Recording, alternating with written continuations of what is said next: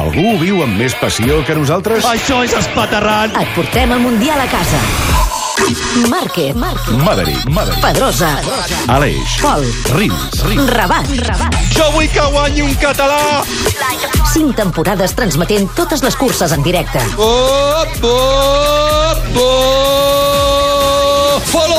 Follow the leader! Follow the champion! Som Univers MotoGP.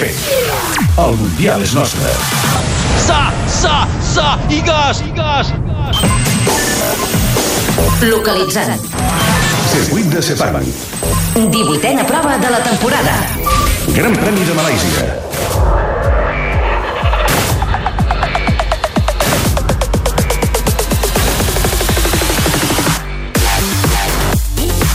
Philip Island ens va deixar una imatge la setmana passada, la d'un pilot eufòric, exultant, esbufegant com aquell que es treu un pes de sobre.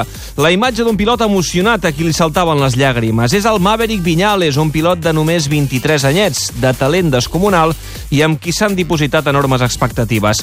Va aterrar el 2015 a MotoGP amb etiqueta de crack d'alternativa real a Marc Márquez i, malgrat un inici prometedor a la categoria, la pressió, els nervis i sobretot les dificultats del seu equip l'han arribat a anul·lar.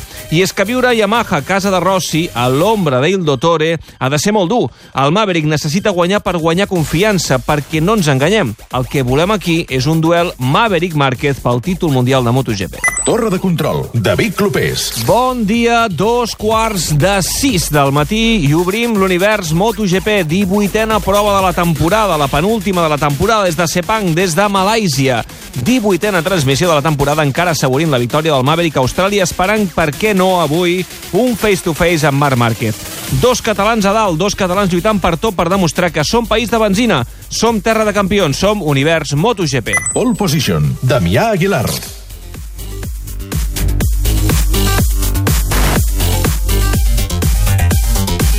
De seguida recuperem la comunicació amb el Damià Aguilar des de Sepang, on tenim avui aquesta cursa en directe a partir de les 6 del matí. Pit Lane. Sergi Camps. Nova picabaralla entre Dovizioso i Lorenzo. Dovi hauria deixat entreveure que Lorenzo podia córrer avui a Sepang i no ho ha fet, i Lorenzo li ha contestat a Twitter dient un compañero ejemplar, le aplaudes bajo el podium cuando gana y luego punts suspensius. Diu, eso sí, eh, no da su opinión, no és problema suyo. Comenta la cursa amb nosaltres amb el hashtag Univers MotoGP a Twitter i pots guanyar una maleta Roncato.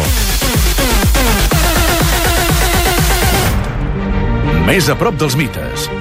Marc Márquez, campió del món per setena vegada. Campió del món! World champion! World champion! Seguim fent història. Univers MotoGP és una producció del Tot Gira. Save the MotoGP! Això és l'univers MotoGP! Rebutgeu imitacions!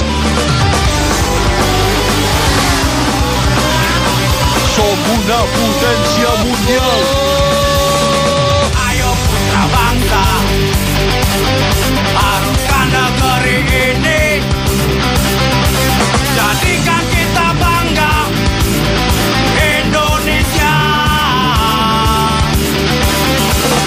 Vinga, va, obrim a Univers MotoGP, toquem fusta, me'n vaig fins a Sepang, ens ha fallat una mica la línia, però crec que el Damià ja està a punt. Per cert, ja tenim campió de Moto2 i Moto3, de seguida ho expliquem. Jorge Martín, el madrileny, campió de Moto3, Peco Banyaya, campió de Moto2. Tenim ja les tres cilindrades llestes, enllestides, a falta de la cursa de València. Damià, ets aquí? Què tal? Com estem? Creuant Bon els dits. Bon dia. 32 graus de temperatura ambiental aquí a Sepang. Llueix el sol amb un cel amb núvols i clarianes i no hauríem de descartar alguna pluja, ho dic perquè les previsions donen pluja, una pluja que encara no ha caigut. Recordem Ja que aquesta cursa s'havia de disputar a les 8 del matí, però aquestes Evident. pluges que ens havien eh, previst torrencials de cara a les 8 del matí han fet doncs, que direcció de cursa avancés a, a les 6 del matí aquesta cursa de MotoGP. Eh, una cosa és que plogui una mica, però no serà una pluja que eh, em pugui implicar una suspensió o un ajornament de la cursa, pel que dius. En principi no, per tant, eh, esperem que, que, vaja, que no tinguem cap mena de problema, ja s'ha fet, de fet, ja, ja vam estar fins des de dijous parlant al respecte i la veritat és que eh, Dorna tenia molt clar que si calia doncs eh, s'hauria de córrer dilluns fins i tot, però de moment han pres una decisió que sembla, sembla que a més a més tothom s'ha assabentat perquè veig les graderies ben plenes, amb la qual cosa tothom s'ha assabentat que, que era l'hora de, de venir. Molt bé, Sí. sí. a les curses anteriors, Moto2 i Moto3, han estat eh, sense massa incidència a nivell de pluja, eh? Mm, zero pluja. Zero pluja. Molt bé. Lluís Costa, com estem? Bon dia. Bon dia, bona nit per Avui tots. fas cara de molt adormit, eh? Avui eh, és un gran dia. agafat una mica peu canviat, això del canvi d'hora, eh? Avui, avui, bueno, vinc molt content perquè hi vam córrer campionat de Catalunya de clàssiques i vam guanyar en categoria, vam Home, fer pole, sí senyor, rècord, sí senyor. volta ràpida. Gran Lluís Costa. I m'he anat a dormir molt tard perquè he hagut de fer els deures d'Univers MotoGP pel Tot Gira, m'he anat a dormir molt tard i he, pensat mm, descansa una miqueta, si plau perquè és que demà estaré Se'ns està relaxant una mica Lluís Costa, No. que antigament no dormia res a les curses de matinada, eh? Avui ha dormit dues hores. Eh? T'està relaxant una miqueta. Molt bé, dius No, no, el, el circuit ple, eh? Tot venut avui a Sepang. Sí, tot venut. Eh, Jo crec que estarem parlant d'unes 90.000 persones aproximadament. Ja fa temporades que a Sepang s'omplen les graderies. La veritat és que aquí l'afició pel motociclisme és eh, molt gran. Eh, evidentment, moltíssima afició pels pilots locals, també per Valentino Rossi, però també per Marc Márquez. Mm, Molt bé, recordem classificació del Mundial, un Mundial de MotoGP ja decidit. Això sí, tenim encara oberta la lluita pels sotscampionats. Sí, aviam, eh, Dovizioso que té 210 punts en la segona posició, Valentino Rossi 195 en la tercera, és a dir, a 15 punts de Dovi, i Maverick Viñales en quarta posició amb 180 punts, a 30 de Dovizioso amb 50 encara en joc. Doncs això és el que avui explicarem, tant avui com també a l'última cursa al Gran Premi de València. Escolta'm, Damià, m'has d'explicar una cosa, perquè ja ho hem anat repiulant a xarxes aquesta matinada. Hi ha hagut una picabaralla avui entre Jorge Lorenzo i el seu encara company d'equip a Ducati, Andrea Dovizioso. Ja ho sabeu, Lorenzo avui no correrà, encara recuperant-se d'aquella lesió al Gran Premi del Japó, quan va caure amb aquella topada amb el Marc a la sortida del Gran Premi del Japó, i Lorenzo avui ha tirat d'ironia per referir-se a unes declaracions del seu company d'equip d'Andrea Dovizioso. Aviam, hem d'anar una miqueta enrere. Lorenzo ve aquí, es puja a la moto el divendres i eh, ens diu al final del divendres que dissabte al matí prendrà una decisió de continuar o no. A partir d'aquell moment, la premsa italiana publica que Lorenzo està forçant la situació perquè no vol que el penalitzin econòmicament en el seu contracte. Et puc dir que als contractes tipus de MotoGP hi ha penalitzacions econòmiques si tu falles a determinat nombre de curses. I eh, jo no dic que això sigui el cas de Jorge Lorenzo, però el cas és que eh, Jorge Lorenzo es baixa de la moto dissabte al matí, puja Michele Pirro i a partir d'aquell moment interpreta un sector de la premsa italiana que hi ha un acord en aquest sentit. Fa unes declaracions, Andrea Dovizioso, civilines, si tu vols, dient sembla que hi ha coses molt estranyes amb algun pilot Ducati, Lorenzo eh, agafa el guant de l'enfrontament i li ha respost un parell de coses, entre altres, doncs, eh, ets un envejós i ets un pilot, punts suspensius, campió del món, punts suspensius de 125. Quina sensació que fa Lluís Costa que Lorenzo té unes ganes boges de marxar de Ducati, eh? Compte a les hores i els minuts. Uh, bueno, jo penso que la culpa de la caiguda de Tailàndia no va ser una culpa d'ell, va ser un error de la moto, per tant, ell és el primer pilot, és la primera persona que vol demostrar que pot tornar a guanyar i deixar el pavelló ben alt i començar l'era Honda havent guanyat a Ducati i per davant del Dovizioso. El que passa és que no ha pogut ser i ho trobo molt malament les declaracions del Dovi perquè sí que té raó el Jorge, quan ha guanyat el Dovizioso el Jorge ha anat al podi a aplaudir-li. Curiós per això, perquè Dovizioso sempre ho hem explicat aquí, que és un cavaller, no? que és un paio que eh, és un senyor dins i fora de la pista, per tant m'ha sobtat molt no? que Dovizioso s'hagi eh, estirat amb aquestes declaracions eh, tan estranyes apuntant al seu Al final company. Dovizioso és... Sí, Dovi és el que es queda com a número de Ducati i Lorenzo marxa. Per tant, Dovi se sent amb la força, diguem-ho d'aquesta manera, de fer aquesta mena de, de declaracions per marcar el seu territori, vaja. Molt bé. Per cert, ja tenim detalls, ja tenim tots els detalls um, de la sanció de Marc Márquez d'ahir. Recordeu que ahir Márquez va aconseguir la pole position i finalment va ser sancionat per estorbar a, a un pilot a, A Janone? a Llanone, Llanone, durant Andrea els Llanone. oficials i, i finalment va ser sancionat amb sis llocs. Sabem ja, tenim ja tots els ingredients de la pel·lícula, com ha anat aquesta sanció, eh? Aviam, eh, a, avui dia els equips poden reclamar a través tele, telemàticament, és a dir, no han d'anar presencialment a direcció de cursa, sinó que tenen un canal directe telemàtic i Suzuki va reclamar contra Marc Márquez i direcció de cursa va, eh, en aquest cas, sancionar Marc Márquez amb eh, sis posicions a la graella. Però Honda no va reclamar contra Valentino Rossi, que li havia fet el mateix a Márquez en el quart entrenament lliure. D'acord?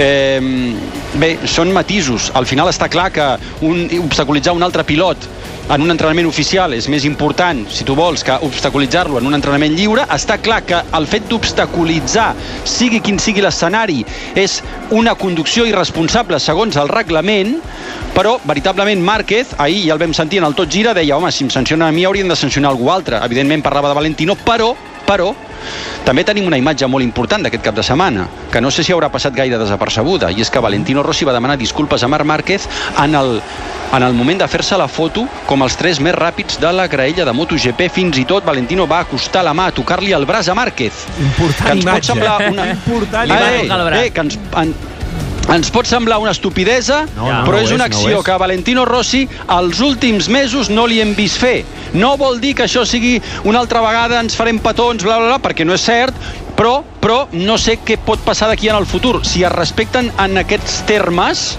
i Márquez ha, ha demostrat sobradament que respecta Valentino Rossi en aquests termes, doncs la cosa anirà millor. Bé, sempre és bo, sempre és bo que a poc a poc la Pau torni, torni al Mundial de MotoGP entre Valentino Rossi i Marc Márquez. Ja ho sabeu, a- avui lluitarem o seguirem explicant la lluita per la segona plaça del Mundial de MotoGP, però avui ja s'han decidit a Sepang les dues categories que ens quedaven, Moto3 i Moto2.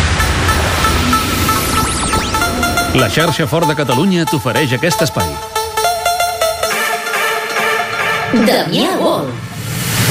I avui fem un Damià Wall homenatjant els dos nous campions del món, el de Moto3 i el de Moto2.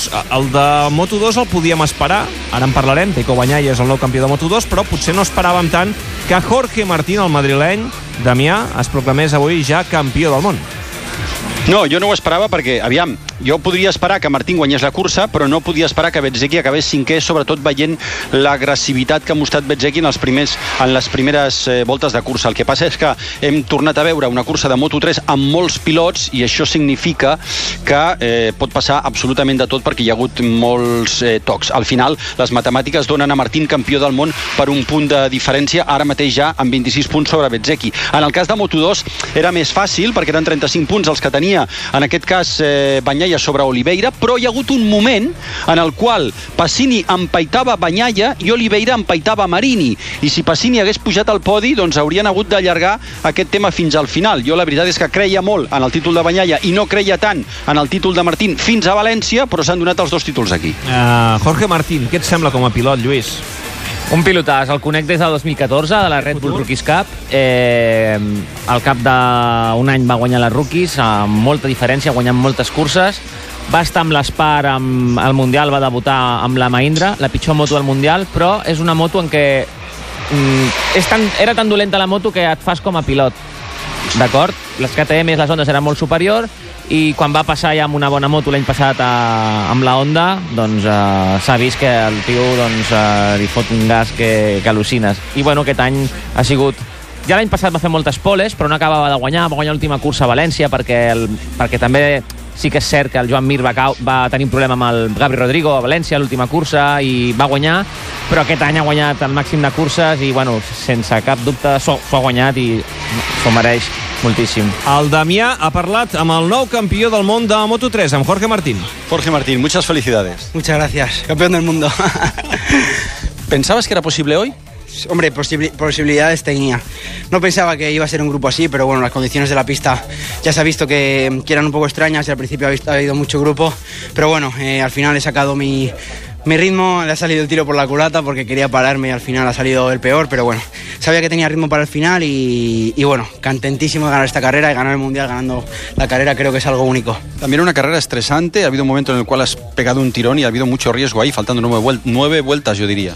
Bueno, me faltaban pocas vueltas cuando he intentado ya el primer tirón, pero no me han dejado, ha habido contactos y, y bueno, cuando faltaban cinco o cuatro ya he puesto el martillo, Martinator Style y, y bueno, poco a poco con mucho ritmo les metía bastante, así que en la última vuelta ya un poco desconcentrado, pensando ya en cómo iría Bezzecchi, miraba las teles y, bueno, ha salido todo bien, muy contento, eh, ha sido un año muy complicado, dos lesiones, eh, aparte... Eh, en la moto no estaba al 100%, hemos tenido que trabajar mucho en el setting para llegar y nada, una sensación increíble, sin palabras, gracias a mi equipo y a mi familia. Son cuatro ya las temporadas consecutivas que un piloto que gana la Red Bull Rookies gana el Mundial de Moto 3. Bueno, eh, gracias a ellos sobre todo porque sin ellos lo mismo hubiese dejado de correr y aquí estoy, ¿no? Ganando un mundial. Eh, creo que es una escuela única eh, donde todos podemos aprender mucho y, y si los cuatro últimos mundiales han sido de las rookies, pues será por algo.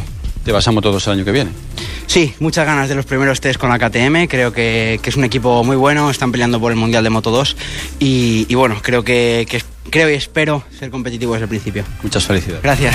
Jorge Martín, 20 anyets, nou campió del món de Moto3 i un altre jove talent, un italià de Turí, Pecco Bagnaia, nou campió del món de Moto2, un altre èxit de l'acadèmia de Valentino Rossi. El Damià ens ha preparat aquest reportatge per conèixer un campió que potser aviat el tenim a MotoGP i fent la guitza a Marc Márquez. Francesco Pecco Bagnaia, 21 anys, natural de Turí, és un pilot que va debutar al Mundial el 2013 a Moto3. Venia de l'equip Montlau, que dirigeix l'Emili Alzamora i abans havia competit als campionats català i mediterrani.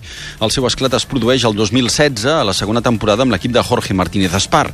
L'ex-tetracampió valencià explica en un minut qui és Pecco Bagnaia. Jo destacaria tres coses, no? Una part, la professionalitat que té, dos, la confiança que té en, ell mateix quan parles de què és el que té que fer o quina idea té de la carrera i de més, no? ja en, puc contar moltes anècdotes que, que me, me sorprengueren molt.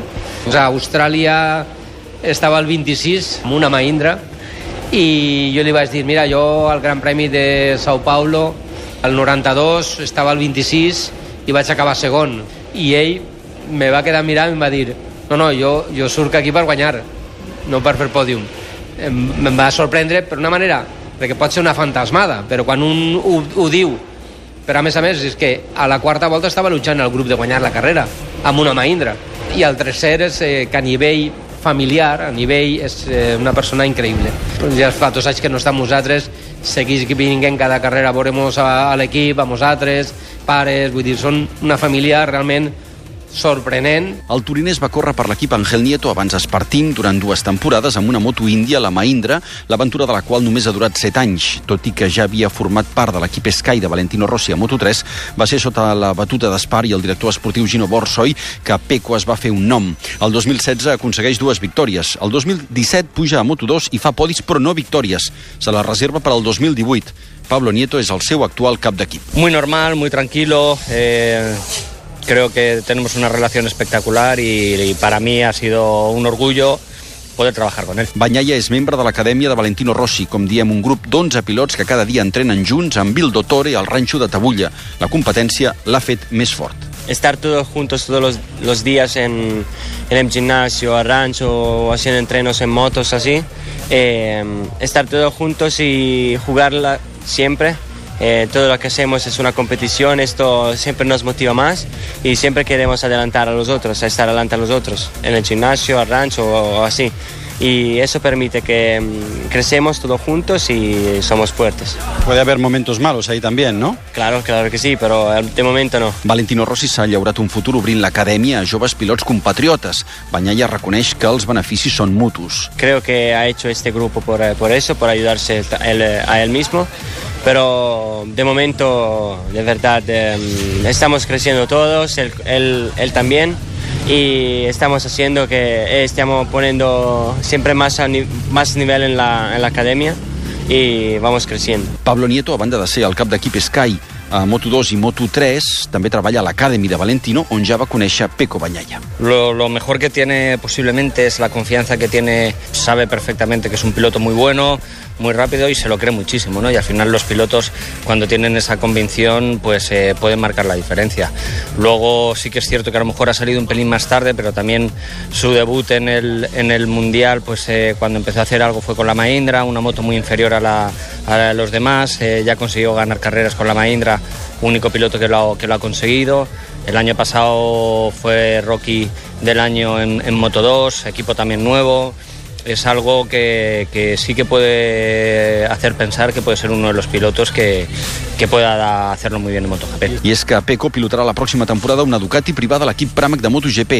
Ell és el segon èxit de l'acadèmia de Rossi després del títol mundial de Morbidelli a Moto2 el 2017. Després de superar el divendres, el divendres, el divendres i el divendres, per fi és divendres. El dia perfecte per descobrir la gamma crossover i sub de fora amb motor EcoBoost i escapar de la rutina. Aquest mes és com si cada dia fos Black Friday. Aprofita el Blue Friday de Ford. Novembre sensiva en vehicles en estoc i en operacions de taller. Finançant amb FCE Bank fins a final de mes. Condicions a Ford.es. Xarxa Ford de Catalunya. 10 minuts i les 6, repassem la graella de sortida del Gran Premi de MotoGP de Malàisia.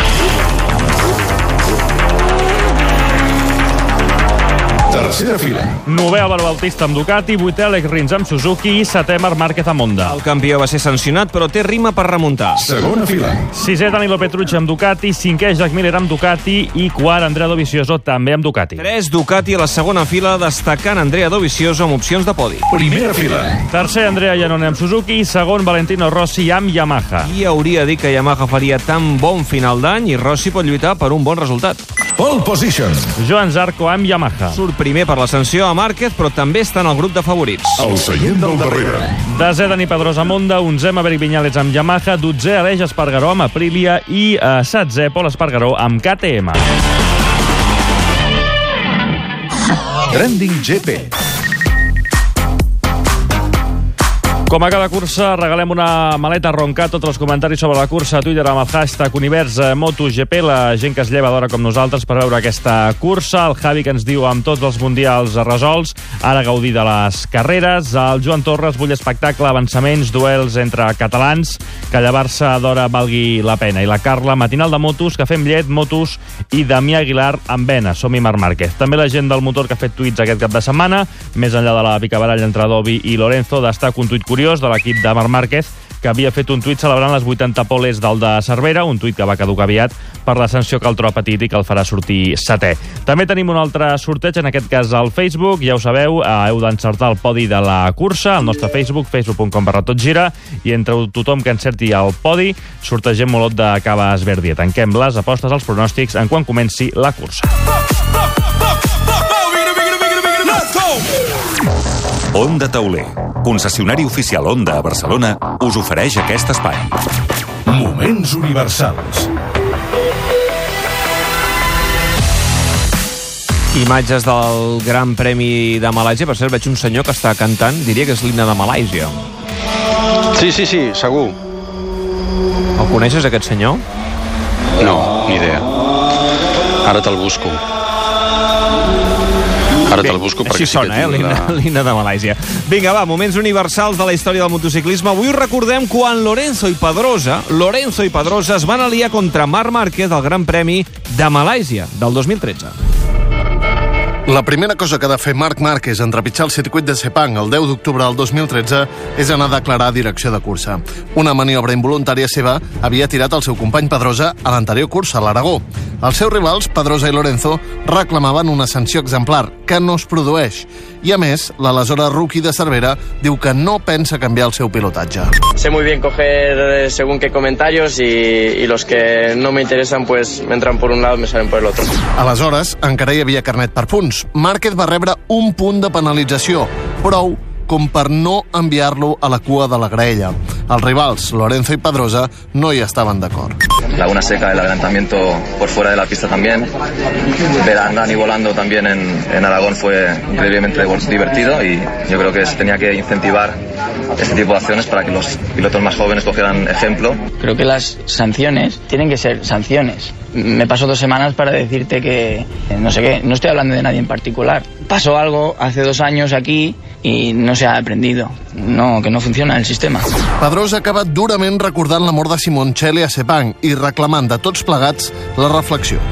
Fos com fos, divendres van començar els entrenaments. Pedrosa i Márquez van dominar-los, amb Lorenzo més endarrerit. Dissabte, Márquez fa la pol i els seus rivals queden a segona fila. I un dia més tard, tots tres pugen al podi. Guanya Pedrosa, segon Márquez i tercer Lorenzo. So big wheelie from Danny Pedrosa. He's enjoyed that one, I think. Going on to take victory in the race. Marc Marquez takes second place and 20 points ahead of Jorge Lorenzo, meaning he extends his championship lead to 43 points. Hem tingut una lluita molt maca amb, amb el Jorge, o, on bueno, eh, hi ha hagut ocasions que pell de gallina i tot, però la veritat és que, que bueno, eh, molt, molt content no? de, de complir l'objectiu d'aquest gran premi que era acabar davant del Jorge. El tro de Cervera surt de Malàisia líder, amb 43 punts sobre Jorge Lorenzo i 54 sobre Dani Pedrosa. Certament, aquell Mundial es va resoldre a la darrera cursa de València, però abans van passar moltes altres coses que s'expliquen al llibre A 300 per hora de Viena Edicions. Onda Tauler, diagonal cantonada Passeig de Sant Joan a Barcelona, us ha ofert aquest espai. Onda Tauler marca la diferència. Lluís Costa, la veu de l'asfalt. 5 minuts i seran les 6 del matí. Uh, 5 minuts i comença aquesta cursa de MotoGP. Uh, imatges de Movistar MotoGP. Damià, veig que no plou, eh? De moment sembla que fins i tot llueix el sol. No, no plou. Aquí l'únic que ha deixat anar alguna aigua és Hafiz Siarin, el Pescao, que és el pilot local. Primera cursa El d'ell en MotoGP. El Pescao, li diuen el Pescao, ha viscut molt, molt de temps a Catalunya, molt de temps a Catalunya. Eh, I li diuen el Pescao perquè anava molt bé amb aigua. Eh, vaja, que disputarà la seva primera cursa a MotoGP davant del seu públic i per això està ben emocionat. Estava molt emocionat, efectivament, quan eh, s'interpretava l'himne del seu país, de Malàisia. A veure, eh, fa la pinta de moment, Lluís, que això serà en sec.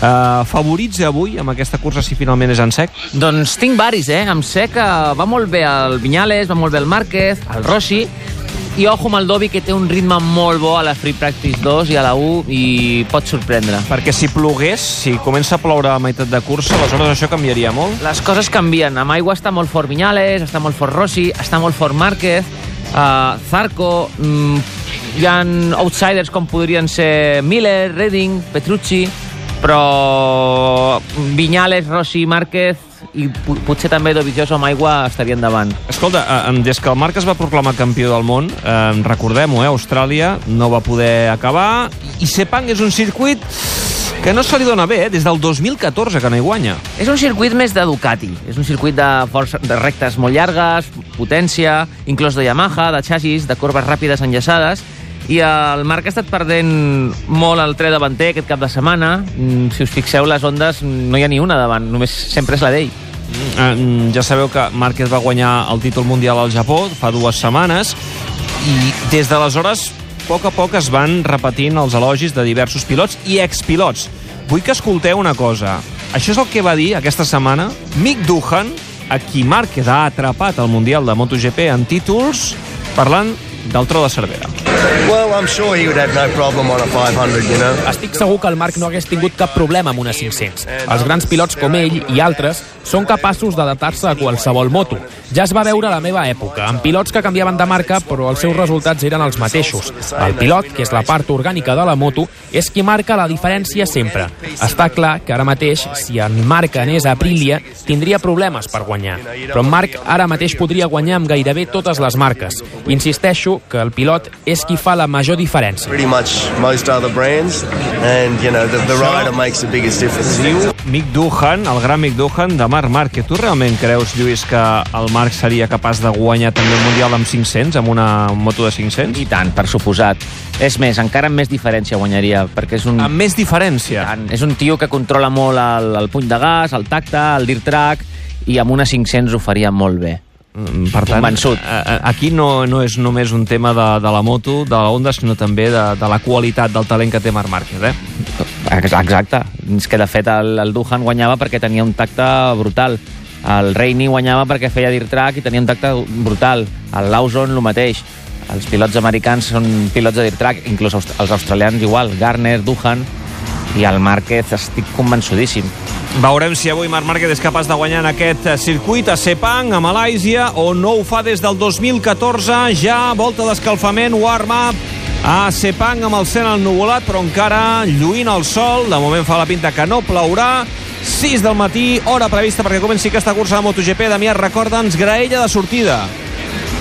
Aviam, des de la primera posició, Joan Zarco, amb ell a la primera fila, Rossi Giannone, a la segona, Andrea Dovizioso, Miller i Petrucci, a la tercera, Marc Márquez, amb Alec Rins i Álvaro Bautista, i per darrere, encara, a la quarta, Dani Pedrosa, Maverick Viñales i Aleix Espargaró, i a la sisena, Pol Espargaró. Marc Márquez ja és campió del món, la lluita és pel sotscampionat, segon Dovizioso, 210 punts, Rossi tercer a 15 de Dovizioso, Maverick Viñales és quart a 30 punts, encara amb 50 punts en joc. Teniu, ja ho sabeu, porra que tanquem ara mateix, si voleu fer les vostres apostes per aconseguir la nostra maleta Roncato. Últim mig minut eh, per entrar al nostre Facebook i fer aquesta aposta per la porra del podi. Podeu guanyar un eh, lot de cabàs verdier i la maneta Roncato a través de Twitter amb els comentaris sobre la cursa amb el hashtag